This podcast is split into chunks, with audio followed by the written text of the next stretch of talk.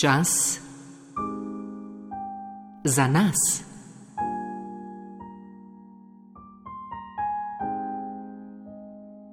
Samo umiritev. Boruč Kodlar sem z vami z Univerzitetne psihiatrične klinike Ljubljana. Danes bi se pogovorili o eni naših zvestih spremljevalk, ki jo sicer stalno odganjamo, a se ne pusti odgnati. To je bolečini. Vsi jo poznamo v krajših, bolj akutnih oblikah, marsikdo od nas pa je šel tudi skozi obdobja, ali to obdobje morda še traja, ko se je srečal in ga pesti dlje časa trajajoča, torej kronična bolečina.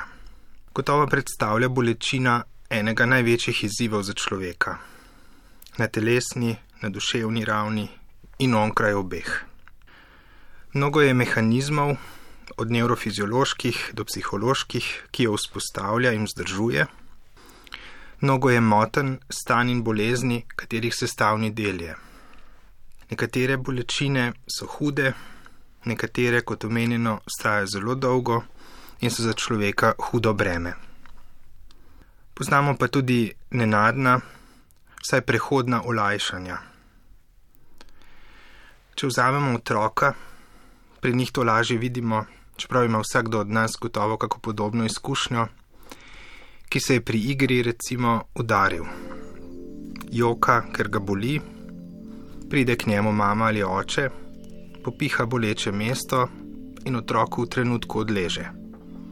Neha jokati, se morda privije k staršu in je miren. To lažba in umiritev sta čudežno vzela bolečino. Podobno skrivnostno, če smem tako reči, izgine bolečina pri placebu. Človek vzame tableto, v kateri ni aktivne protibolečinske snovi, pa lahko vseeno pomaga, kot da bi bila. Bolečina se zmanjša ali izgine. Verjeti je torej, da mi bo nekaj pomagalo, da deluje v meni, je očitno dovolj, da začne protibolečinske procese. To nas pripelje do ukvarjanja z bolečino v psihološkem, psihoterapevtskem smislu. Poznano je, da imajo ljudje, ki so imeli neugodne življenjske okoliščine, slabe izkušnje z ljudmi, sploh če so bile te v otroštvu, in vsi tisti, ki živijo pod dolgotrajnim stresom, večjo nagnjenost k razvoju bolečinskih stanj, bolečinskih sindromov.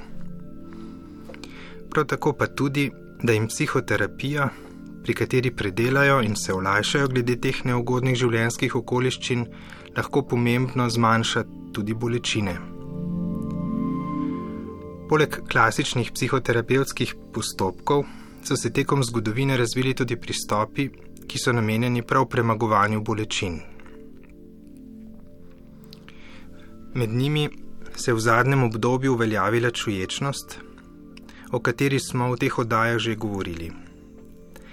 Začetki uporabe metode čuječnosti v psihoterapiji so ravno na področju kroničnih bolečin. John Kabat-Zinn, pionir na področju uporabe čuječnosti v psihoterapiji, je konec 70-ih let prejšnjega stoletja najprej oblikoval program čuječnosti za ljudi, ki jim druge metode za premagovanje njihovih kroničnih bolečin niso pomagale. Program je bil usmerjen v to, da človek ni več krčevito bežal od bolečine, ampak se je postopno in mestoma tudi mukotrpno vadbo učil raziskovati bolečino kljub bolečini, če tako rečemo. Učil se je ločevati med bolečino samo in vsemi reakcijami na njo. Te reakcije so, kot se je izkazalo, veliko krat bolj vplivali na kvaliteto življenja kot bolečina sama. Takšna vadba je postopna in traja kar nekaj časa, da človek uspeva to dvoje ločevati in se nauči ključnega, to je počitka, kot Kavadzin rad reče, na čistem zavedanju, brez misli in brez reakcij.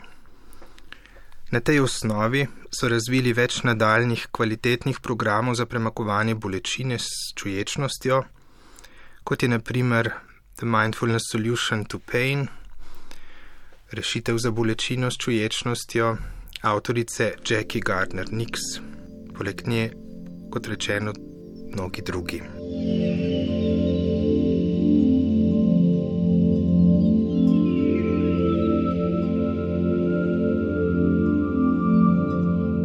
Današnjo vajo bi posvetili temu.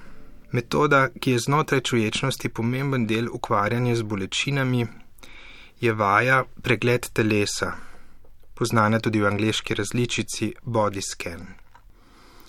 Mnogi jo uporabljajo kot uvod v meditacijo, sproščanje, terapevtsko hipnozo in druge, izkazala pa se je tudi za pomemben gradnik programov za obvladovanje in premagovanje bolečine. Danes bi naredili čisto kratko verzijo te vaje. Če vam bo všeč, si jo lahko podaljšate in najdete v njej še veliko detajlov, ki jih lahko s pozornostjo pregledate, raziščete.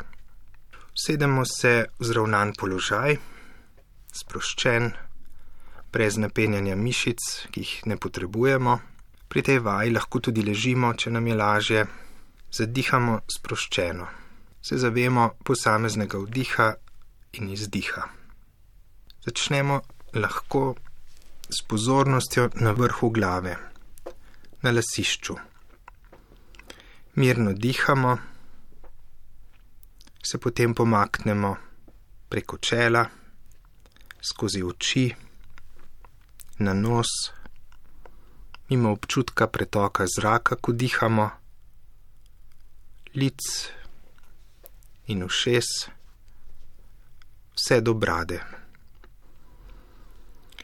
Nadaljujemo zdaj spet od vrha glave, zadaj do vratu in zajamemo celoten vrat. Nadaljujemo z levo ramo, nadlahtjo, preko komovca in podlakti do hrbtišča roke in dlani s prsti. Ko zaključimo na levi, se premaknemo na desno ramo in ponovimo pot po nadlakti, komovcu, po podlakti do roke, dlani in prstov. Se vrnemo zdaj na levo ključnico, po levi strani prsnega koša in trebuha, vse do dimelj. Nadaljujemo na desni strani, spet od ključnice, desne strani trupa do dimel in spolovila. Podobno se zdaj vrnemo na levo lopatico in po levi strani hrbta do leve sednice in od desne lopatice po desni strani hrbta do desne sednice mirno dihamo in nadaljujemo s pozornostjo od levega kolka, levega stegna, preko kolena in goleni do gležnja, celotne leve noge od pete do prstov. S pozornostjo zdaj sledimo od desnega kolka, po desni nogi, stegnu in kolenu ter goleni do gležnja, pete in prstov na desni nogi. Še par vdihov in izdihov, da zajamemo celotno telo. In lahko zaključimo potovanje s pozornostjo po telesu sprošča, onemogoča, da bi bili skoncentrirani samo na eno področje, tudi če je boleče. Decentriramo bolečino, prehajamo in se zanimamo, kaj čutimo, brez pričakovanja. Tudi bolečine ne pričakujemo nepričakovanju, tem decentriranju, v mirnem dihanju, vsemu na vkljub, ležijo ključi za vrata iz hiše bolečine. hvala za vašo današnjo pozornost, meni in sebi. Čas za nas.